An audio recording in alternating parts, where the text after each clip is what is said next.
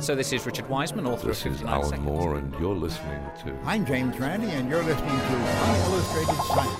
Så du, du leker jo Nei, du leker ikke Gud. Kan kurere kreft om fem år. For meg så er vel det her like nyttig som homopati. Dødsannonsen. Forskningsnytt. Altså, jeg kan ikke lage en hårete planet. Nei, nei. Uillustrert vitenskap.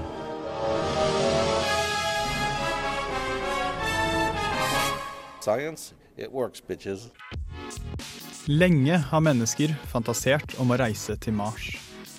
Og nå ser det sannelig ut til at vi snart kan greie det. Men kan vi det? Hva må til før vi kan ta denne reisen? Og er det noe vi i det hele tatt ønsker?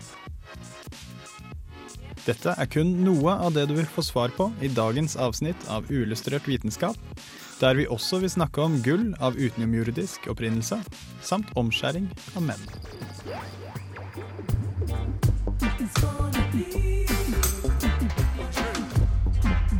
Radio Revolt. Det var Protégé med Dread som åpnet denne ukens Uillustrert vitenskap her på Radio Revolt. Mitt navn er Ole Eivind Sigrud, og med meg i dag har jeg som vanlig Jeanette Bø. Hallo, hallo. Og så har vi fått en ny medarbeider. Dette er spennende. Han heter Sunny Islam. Hallo. God dag. Velkommen til oss. Tusen takk. Så eh, lytterne våre vil vel kanskje bli litt kjent med deg. Eh, Hvem er du? Uh, ja, uh, du nevnte jo tidligere. Jeg er jo Sunny Islam. Jeg går andreåret maskin på NTNU. Og er ganske glad i Lego og teknologi generelt. Sitter ganske mye på Reddit og forskning.no og blar gjennom der. Det virker veldig veldig lovende, og eh, han har jo allerede vært i gang. Lagd en reportasje. Du lagde reportasje om hva som må til for å reise til Mars. Stemmer det? Ja. Skal vi kanskje høre den? Ja, hvorfor ikke? Ja. Etter eh, C6 Steve med You Can't Teach An Old Dog New Tricks.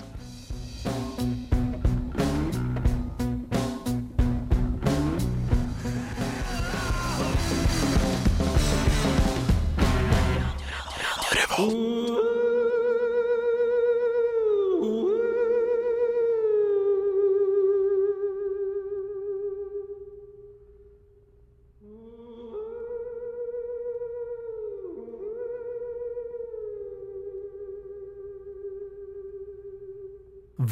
trenger en student for å overleve i Trondheim? Venner, fritid, studasser, samfunnet, Grandis, kanskje litt kjærlighet, pils. Og selvfølgelig Radio Revolt. Og slik kan vi holde det gående. Men tenk om året var 2084. Ditt navn er Dennis Quaid. Du drømmer om å reise til Mars. Men hva trenger du da? Luft, vann, mat, strålingsbeskyttelse, lys, kanskje litt kjærlighet, strøm. Mars er ikke ditt typiske turistmål. Å dra dit vil koste flere hundre milliarder kroner. Samt vil Mars' atmosfære, eller mangelen på en, drepe ethvert uforberedt menneske på rundt et halvt minutt. Men Mars er en utømt kilde for ny viten. Planeten sitter på mye informasjon om solsystemets skapelse som vi ikke har her hos moder jord. Gravitasjonskraften til Mars er også gunstig for å undersøke langtidsvirkninger på menneskekroppen ved lav gravitasjon. Men det aller mest spennende er selvfølgelig håpet om å finne utenomjordisk liv. O2 er det mest vitale stoffet for oss mennesker. Men Mars' atmosfære består hovedsakelig av karbondioksid. Hvor får vi tak i oksygengass på den røde planet? Nå har det seg slik at rødfargen til Mars skyldes jernoksider likt den vi finner i rust. Og det skal være mulig for oss mennesker å utvinne både oksygengass og råjern fra disse oksidene. Det er også mulig å utføre elektrolyse av vann for å få oksygen og hydrogen. Vann på bemannede romstasjoner i dag kommer fra et kunstig kretsløp. Dette systemet bruker de annet i ISS. Astronautene puster, svetter og urinerer. Alle disse aktivitetene utskiller en viss mengde vann eller fuktighet, som vil brukes gang på gang. Bear Grylls ville vært stolt. You can recycle pee to help you survive. Mat er også et must for enhver som planlegger en utflukt lenger enn Byåsen. Det mest optimistiske scenarioet er med en atomrakett. Men til og med da vil en enveistur ta hele seks måneder. Maten som NASA lager for sine astronauter, mister både smak og næring etter en viss tid, og er derfor ikke optimalt for en så lang tur. Det er også viktig at maten ikke smuler eller søler, siden restene vil spre seg rundt i romskipet og mugle. I filmen Sunshine fra 2007 reiser et crew med forskere til solen. I romskipet har de en egen modul hvor det dyrkes grønnsaker i stor stil. Disse plantene sørger både for at besetningen får mat, og gjør karbondioksid om til oksygengass. En så enkel løsning som å dyrke planter må jo være for godt til å være sant. Men Erlend Tveten fra Uillustrert vitenskap besøkte i 2007 plantebiolaben på Dragvoll, hvor de forsket på hvordan effektivt dyrke mat i rommet.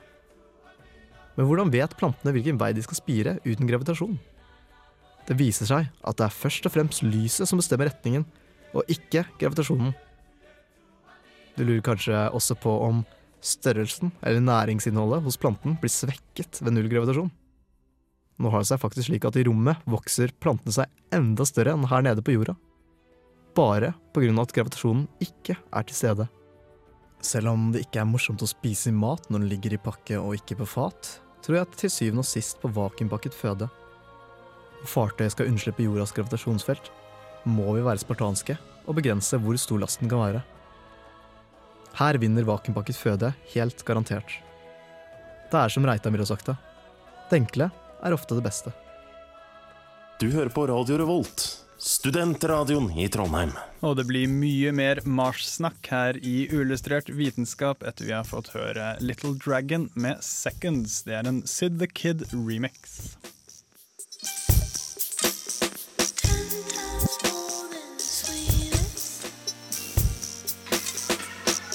Uillustrert vitenskap. Radio Revolt. This is Charles L. Bennett from Johns Hopkins University. Science, it works, bitches. Mars er tema her i Uillustrert vitenskap på Radio Revolt, og det var noen utfordringer. Blant annet så er det denne maten man skal frakte med seg på den lange reisen bort til Mars. Nei, nå er det slik at eh, NASA de har jo 40-50 forskjellige typer mat som de har vakuumpakket. Og etter ett år da, i oppbevaring, så er det faktisk bare syv som har noenlunde smak og næringsinnhold igjen. Og eh, folk tenker jo at det er jo bare næringsinnhold som er viktig, men når smaken ikke er god nok, så vil det være rester igjen, da, og de kan fly rundt da, i zero gravity og feste seg rundt omkring i kroker, kriker og kroker på romskipet. Og der vil de mugle, og det lukter jo ikke så godt etter en stund. Men jeg reagerer litt på at du sier at NASA har utviklet så mange typer mat, og ingen holder mer enn ett år. Det finnes jo tonnevis med boksemat, eh, tysk boksemat det er jo masse av, som holder i mange, mange år. Hvorfor kan man ikke bare ta med det? Vet du hva, Det vet jeg faktisk ikke. Uh, Joikaboller det var jo i 500-600 år, ikke sant. Mm. Men uh, kanskje det er slik at NASA mener at det ikke er gunstig. Skjørbruk og diverse andre mangelsykdommer da, kan jo være en grunn til at de ikke vil bruke slik boksemat. Men så kan man jo også ta med planter. Men det var ikke du noe tilhenger av? Absolutt ikke. Det, det vil jeg tro tar altfor mye plass. Men så var det også dette vannet, som også byr på litt problemer. Ja, det har jo seg slik at oksygenet som de bruker i ISS, som jeg nevnte tidligere, som er den internasjonale romstasjonen, det providerer også romfarerne med oksygen. Fordi du kan nemlig utføre elektrolyse på H2O. Og da vil du da få to biprodukter. Det er H2, som er hydrogengass, og O2, som er oksygengass. Men det betyr jo at vann blir en begrensende faktor under lengre opphold i det ytre rom. Det virker for meg at det egentlig er ganske enkelt å reise til Mars, men nei, det er det ikke. For det er langt flere og vanskeligere utfordringer. Og det har Sunny sett nærmere på. Det får du da høre etter Gillian Welch med 'The Way It Goes'.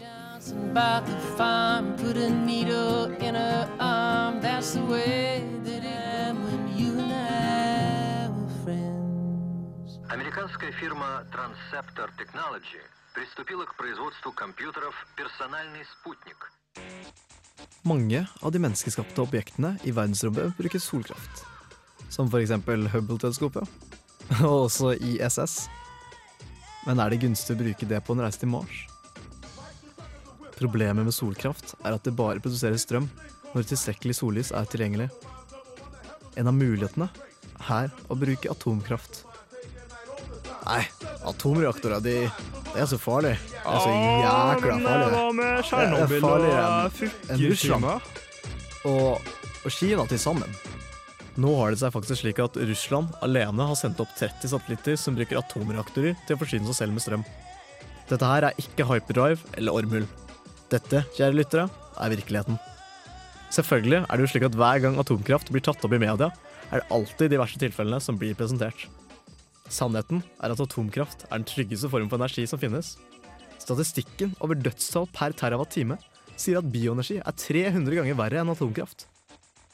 Om du skulle ha reist til Mars og hadde valgt en annen energikilde enn atomkraft, betyr det enten at du behersker kald fusjon, eller at du lider av trisomi.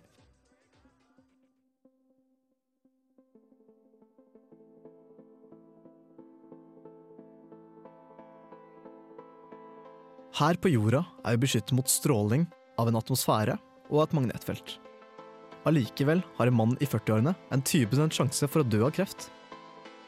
Sjansen for å dø av kreft etter et lengre opphold i det ytre rom er betydelig mye høyere. Ikke bare er den konstante strålingen høyere, men solstormene som her på jorda er i stand til å slå ut hele strømnettverk, vil i det ytre rom klare å frese romfarere som om de var ribbe på en julekveld. Det må da være mulig å bygge romskip av materialer som kan skydde romfarere mot stråling i det ytre rom. Bly brukes i dag for å beskytte leger og forskere mot røntgenstråling, og for å stoppe strålingsspredning i atomkraftverk.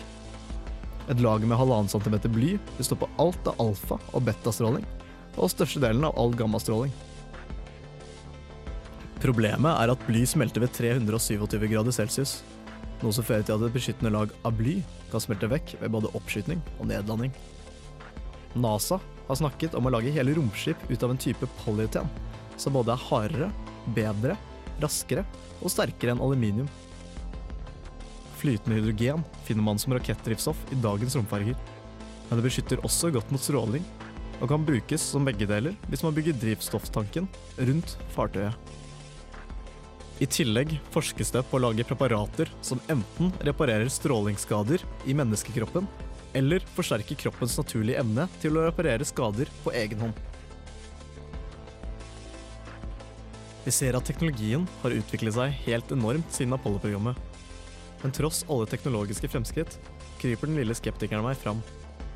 Det er den samme lille skeptikeren som har problemer med å tro på sorte hull, endimensjonelle strenger og prinsesse Märtha Louise.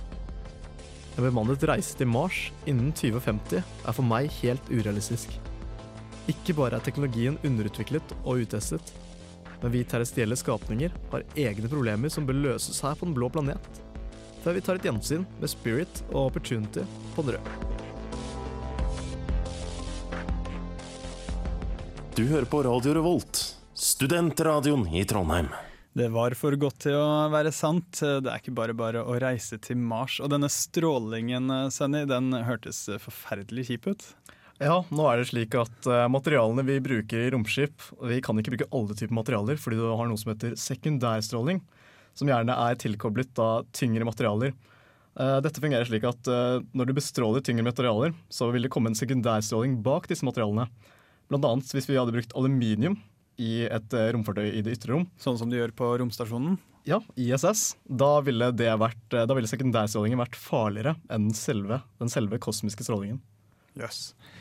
Så Du nevnte at de skulle bruke polyeten. Er ikke det plast? Jo, det er det faktisk. Det er hardplast. Det er kanskje den mest vanlige typen for plast brukt innen produksjon. Du finner dem bl.a. i vaskebøttene hjemme. Men jeg tviler sterkt på om dette er samme type polyeten. Jeg vil tro at det er mer hardpakket. Vi flyr til Mars i en bøtte? Om bare. Mm. Og med stråling så uh, kom jo denne kreften, da. Du nevnte noe med kvinner og kreft. Som, altså, det er ikke like lurt å være kvinnelig astronaut som mannlig astronaut. Hvorfor ikke det? Nei, jeg tror at sannsynligheten for at vi to drar til Mars er høyere enn at Jeanette drar til Mars. fordi det viser at kvinner har mye større sjanse for å få kreft grunnet ekstra vev i eggstokker og i bryst. Hvor lang tid tar det å dra til Mars? Um, med atomrakett så vil det ta seks måneder én vei. Uten så vil det ta rundt et år. Ja, men Da ønsker jeg dere lykke til eh, på turen. Et år uten kvinner. Gratulerer. takk, takk. Um, så må du jo ha ganske mye kraft og energi uh, for å ta denne reisen. Uh, og solkraft var da utelukket, og det var atomkraft. Men atomkraft uh, krever ikke det ganske store kraftverk? Med tanke på at, i, at Russland, eller Sovjetunionen som det da het, har sendt opp 30 satellitter som går på atomreaktorer, så vil jeg ikke tro det. Men nå har NASA, i samarbeid med Department of Energy, antageligvis i USA, da, eh, gått til eh, verk med å utvikle en bitte liten atomreaktor. Her snakker vi på størrelse med en koffert. Og den skal da ikke ha avkjøling. Hvordan de klarer dette, det vet jeg ikke, men det blir utrolig spennende å se, fordi de påstår at de skal ha en prototype ut i løpet av et år. Som jeg har lyst til å ha på sykkelen min. Samme her. Jeg har lyst til å ha den på alt. Eh, Men en av de store utfordringene med å lage et sånt stort romskip som skal farte masse folk til Mars, blir jo da å bygge det og så få det opp i verdensrommet. En løsning på det?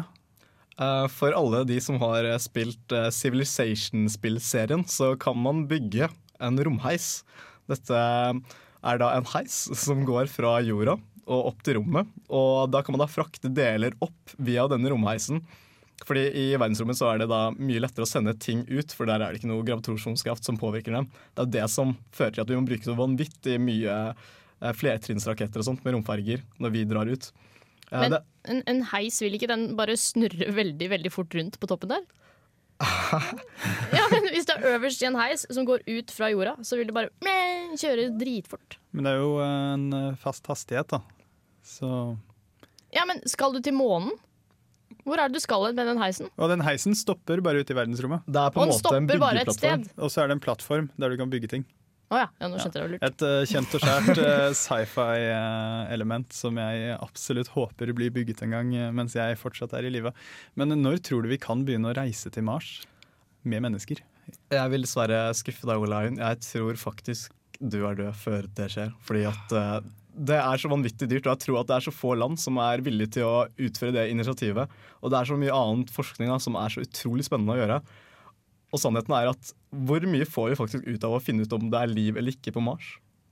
Og hvor mye får vi ut av å sende mennesker kontra roboter? Ikke sant? Roboter kan jo sikkert også klare å oppdage om det er mikrober på eller under steinera, for det er jo oftest under steinera tidligere. Selv om jeg syns vi skal eh, prøve å få muligheten til å sende mennesker til Mars, så eh, må jeg si at den rasjonelle delen av hjernen min eh, sier at roboter er en mye bedre alternativ. Men gitt at vi fikk reist til Mars, ville dere ha gjort det? Nei, nei, hvis det tar så lang tid, så kommer det veldig an på hvem jeg reiser med, altså. Nei, 20 år med trening og så to år med tur. Nei takk. Ja. Jeg må si at eh, jeg hadde lett dratt til Mars, men eh, akkurat det å drive og forberede meg på å reise til Mars, trening og sånn, det hadde jeg ikke giddet. Svekling. Ja. Men eh, å dra dit, det hadde vært kult, det. Nå skal vi høre Hudson Mohawk med 'Thank You'.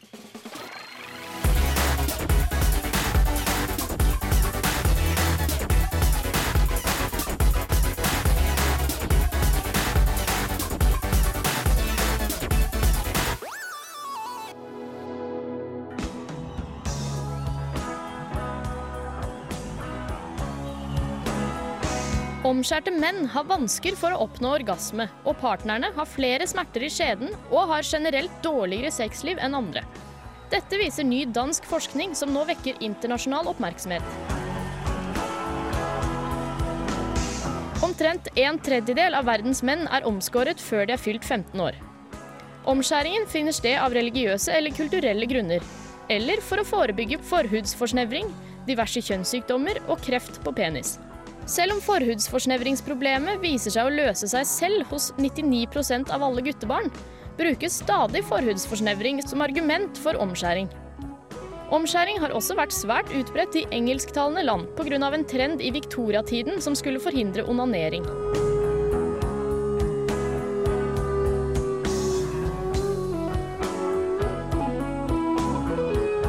Man har tidligere gjort undersøkelser om påvirkningen av omskjæring på mennene, men man har aldri inkludert påvirkningen på kvinnens sexliv.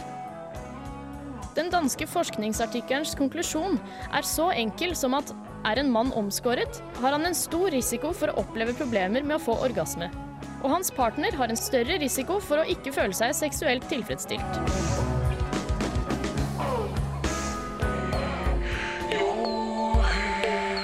Omkring 5000 seksuelt aktive menn og kvinner er blitt spurt om deres seksuelle erfaringer og eventuelle problemer med å ha sex. Og når forskerne ser spesifikt på omskjærte menn og deres partnere, er resultatet slående. Overlege Morten Frisk fra Statens seruminstitutt i Danmark, som er en av forskerne bak undersøkelsen, sier at menn som er blitt omskåret, har tre ganger så høy risiko for å oppleve hyppig besvær med å oppnå orgasme.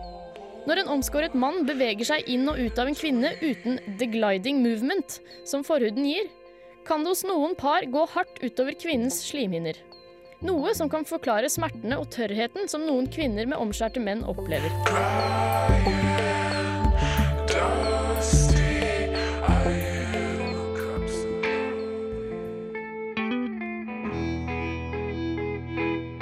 Han sier også at emnet er så følsomt at det er blitt gjort forsøk på å hindre offentliggjøringen av studiet. Men andre, som politikere i California, har mottatt forskningen med åpne armer, fordi de vil forby omskjæring i deres delstat. Oh. Uh.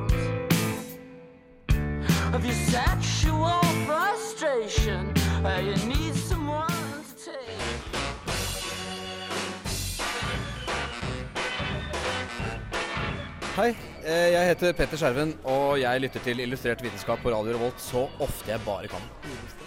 Uillustrert. Veldig bra.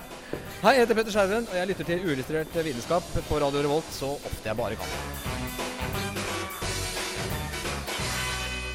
Det har jo lenge vært en debatt eh, rundt eh, mannlig omskjæring, og da spesielt eh, utført på små barn. Et argument nei-siden i denne debatten alltid har trukket frem, er påstander om at senker sexlyst og gjør at sexlivet blir mindre spennende osv. Og, så og nå har de da forskning som støtter opp om den. Men er det studiet til å stole på? Og ja da. Eh, han godeste Morten Frisk, som er litt morsomt at er lege, forresten. Eh, han eh, påpeker at de har korrigert for feilkilder, og de fleste av mennene som de har undersøkt, som har vært omskjært, har vært omskjært etter medisinsk vurdering, da. Og så da har de, I statistikken sin så har de tatt høyde for at Har de tatt høyde for alder, inntekt til og med, og alder ved første samleie, hyppigheten av seksuell aktivitet, eh, antall sexpartnere siden 15-årsalderen, og kulturell bakgrunn osv. osv. Det er korrigert for ganske mye rart, altså. Ja. Eh, du sier jo at de fleste av disse mennene, fordi det var et dansk studie, har blitt omskåret av medisinske årsaker, og dermed da ikke fått den utført da de var bitte små. Eh, så de har jo da hatt et sexliv både før og etter. Eh, men kunne de se noe forskjell på eh, sexlivet til de som da ble omskåret i ung alder, og de som ble omskåret i høy alder? Nei, det har de ikke skrevet, skrevet noe om. Eller altså forskjellen på sexliv før og etter. Men altså, de har Selv om altså kun 5% av danske menn er omskjært, så det er ganske få, så har de kommet fram til at det er det er faktisk statistisk sikkert at det er forbundet seksuelle problemer til å være omskjært. Så de har nok gjort noen målinger før og etter, vil jeg tro. Det var jo også det første studiet i verden som eh, undersøker konsekvensene av mannlig omskjæring på kvinner. Og det var jo ikke akkurat eh, godt nytt, det heller. Ja, nei, jeg syns det er eh, lurt at de inkluderer eh, damer i studiet, sånn at de, de, kan få ha noe å si om saken også. Om noen vurderer å omskjære deg, så må man passe på å eh, ta ta høyde for eh, det studiet her også. Mm. At det kan gå dårlig. Det var vel én eh, av tre, tror jeg, som ville få problemer. Så et, eh, nok et argument på nei-siden med litt bedre datagrunnlag med dette studiet, altså. Vi skal høre Bon Iver med 'Towers'.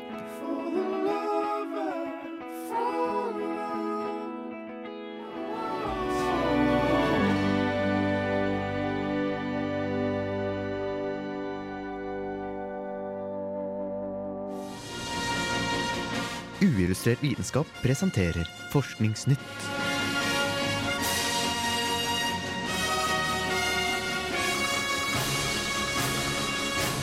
Forskningsnytt.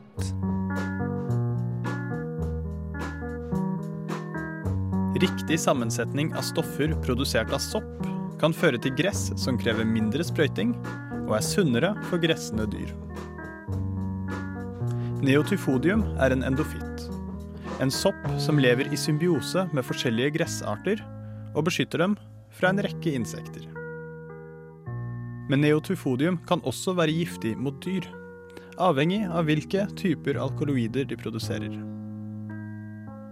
Dette var lenge et stort problem for bønder, frem til forskere eliminerte de alkaloidprofilene som forgiftet husdyrene.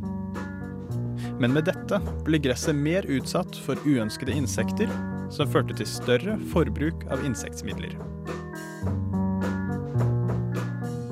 I en nylig publisert studie beskriver forskere fra New Zealand hvordan de satte opp en serie med neotyfodium-endofytter som var sikre for dyr, for å undersøke hvilke som også fungerer som naturlige insektmidler. De endte opp med noen få typer neotyfodium som har begge egenskapene, og foreslår nå å sette i gang produksjon og salg av gress infisert med disse endofyttene.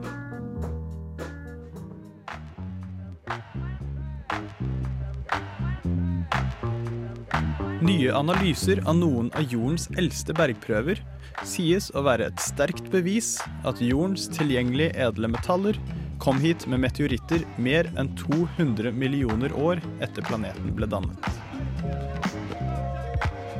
Da jorden ble dannet, sank smeltet jern inn mot sentrum og dannet jordens kjerne. Dette trakk med seg det aller meste av jordens edle metaller, som gull og platinum. Faktisk inneholder kjernen såpass mye edle metaller at det kunne dekke jordens overflate med et fire meter tykt lag. Men til tross for dette er jordens blingforekomster ved overflaten mellom 10 og 1000 ganger større enn man skulle forvente. En mulig forklaring har vært at de edle metallene kom hit med en kataklysmisk meteorittstorm etter kjernen var dannet. Og det var denne hypotesen forskerne ved universitetet i Bristol testet og bekreftet. De undersøkte nesten fire milliard år gamle bergprøver fra Grønland. Disse ga dem et godt bilde av jordens sammensetning etter kjernens dannelse, men før den hypotetiske meteorittstormen. Og sammenligning med moderne sten bekreftet hypotesen.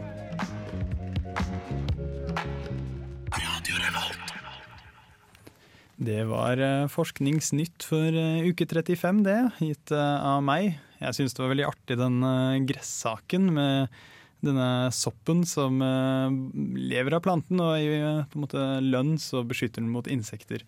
Men, Men som, også lager litt farlige stoffer. Noe nytt, uh, nytt gress. Ja. Nytt gress. Eh, det, er- det, er jo ikke, det er jo genmanipulert, det er ikke så spennende.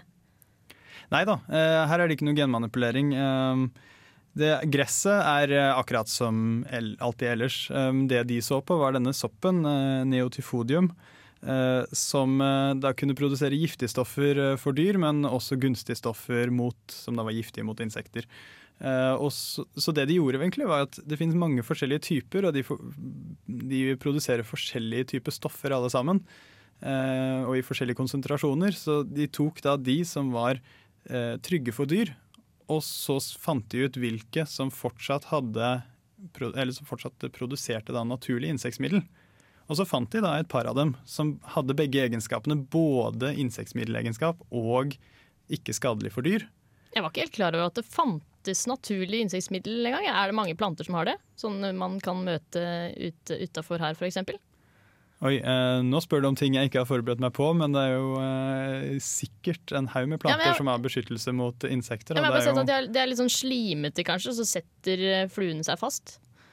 Men de har insekter. Det var spennende. spennende. Ja, Ja, fortsett. og her er det da det som gjør det litt mer ekstra spennende, er det at det er symbiose mellom to forskjellige arter. Det er ikke gresset som beskytter seg mot insekter, men det er gresset som da eh, lever i symbiose med en sopp som beskytter det mot insekter. Det syns jeg er fiffig. Veldig ålreit. Så da fant de den, den soppen. Ja, ok, Den har begge egenskaper, og da foreslår de at nå kan vi da begynne å eh, infisere gress med denne soppen. Og så kan vi selge det som eh, en type gress til bønder, og for, eh, for så vidt også folk som har lyst til å ha gress i hagen. eh, ikke har lyst til å sprøyte med insektmiddel, men har lyst til at rådyrene kan komme og spise av gresset uten å bli syke. Kjempelurt. Så det er artig. Jeg skal foreslå det hjemme. Så syns jeg det for så vidt også var ganske artig at det fins jo så sinnssykt mye gull i verden. Det fins jo så mye at man kan lage et fire meter tykt lag rundt hele jorden. Men det er inni kjernen. Ja, for det er jo ikke så mye gull vi har henta ut. Var det ikke, jeg så det på QI. Så kan man ikke fylle to sånne der olympiske svømmebassenger engang med det gullet vi har, har på overflaten. eh, i dag. Fun fact. Der, ja. Eh, Men eh, da måten de eh, bekreftet denne hypotesen, og jeg forklarte jo ikke det sånn kjempegodt i reportasjen, eh, det var at de så på wolfram-isotoper i eh, disse bergartene fra Grønland. Og så kunne de se da Ja, isotoper er da varianter av samme grunnstoff, men med forskjellig eh, eh, atomvekt. Og så kunne de da se hvilken sammensetning av eh, wolfram-isotoper de hadde i Grønlands sted, berget der, før eh, disse meteorene kom ut eh, med alt gullet. Og så sammenlignet de med moderne sten, og la merke til at det var eh, 15 parts per million eh, mindre eh, Wolfram eh, 182, tror jeg, jeg husker ikke helt. Eh, En Wolfram-isotop, i hvert fall. eh, I moderne sten. Men det var mindre av det, det virker veldig rart. Men da årsaken til det er at når gull og andre edle metaller kom med disse meteorittene, så ble det blandet inn i mantelen. Og da istedenfor å eh, ende opp i all mulig sten rundt omkring, så endte det da opp i malm, som er rik på det. Og det er jo det vi, når vi driver med gruvedrift etter edle metaller, så ser vi etter den og den type malmen. Um, og det endte opp der. Og eh, det var da et bevis på at den hypotesen uh, var den beste vi hadde, i hvert fall. Jaså. Apropos kjerne. Er det noen av dere som har sett filmen The Core fra 2003? Det er vel strengt tatt en dokumentar? Eh, Jeg har dessverre sett uh, The Core. Uh, det er kanskje den uh, filmen som har størst konsentrasjon av fysikkfeil og vitenskapsfeil i filmhistorien. Bør jeg se den? Er den morsom i det minste, da? Er det, er det ikke litt bra? Den er morsom, men også veldig, veldig vond Ja. å se på. Det, det, det, er, å, det er så fælt. Eh, Det eneste som på en måte topper The Core, i min mening, det er eh, sluttscenen i Supermann 1, der han flyr rundt jorden for å snu tilbake tiden. Oh ja, det, det virker jo. Men, eh, men The Core er på en måte Det er dårlig fysikk gjennom hele filmen, så jeg tror kanskje den tar kaken. Ja, jeg skal ikke se den, forresten. Isteden så hører vi Wugazi med 'Sleep Rules Everything Around Me'. I grew up on the crime side, the New York Times side. Staying alive was no job. Had second. I'm plastic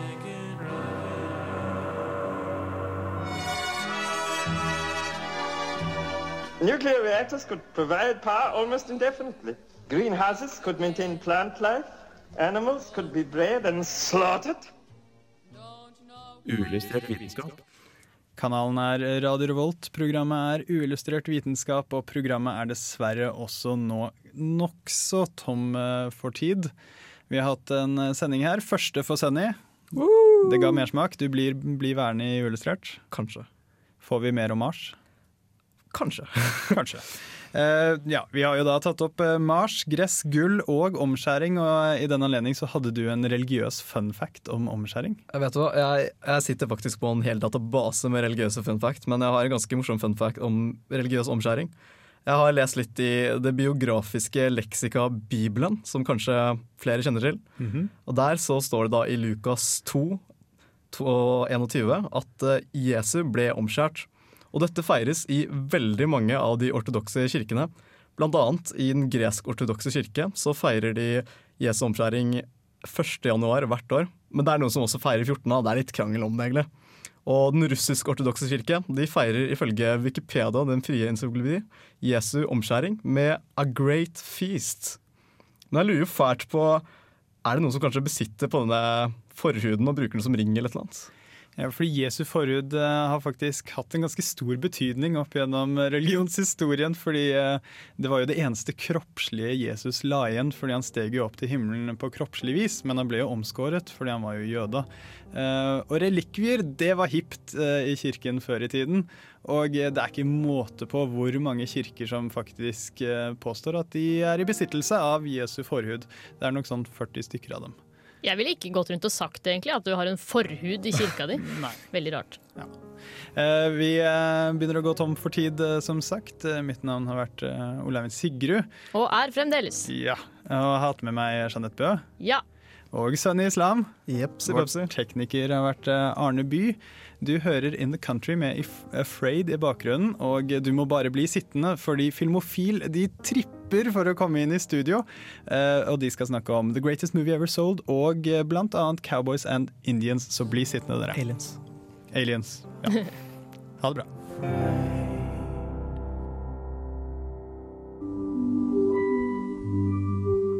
Uillustrert vitenskap er Midt-Norges eneste teknologimagasin på lokalradio. Og vi snakker om alt fra populærvitenskap til sære forskningsprosjekt ved NTNU.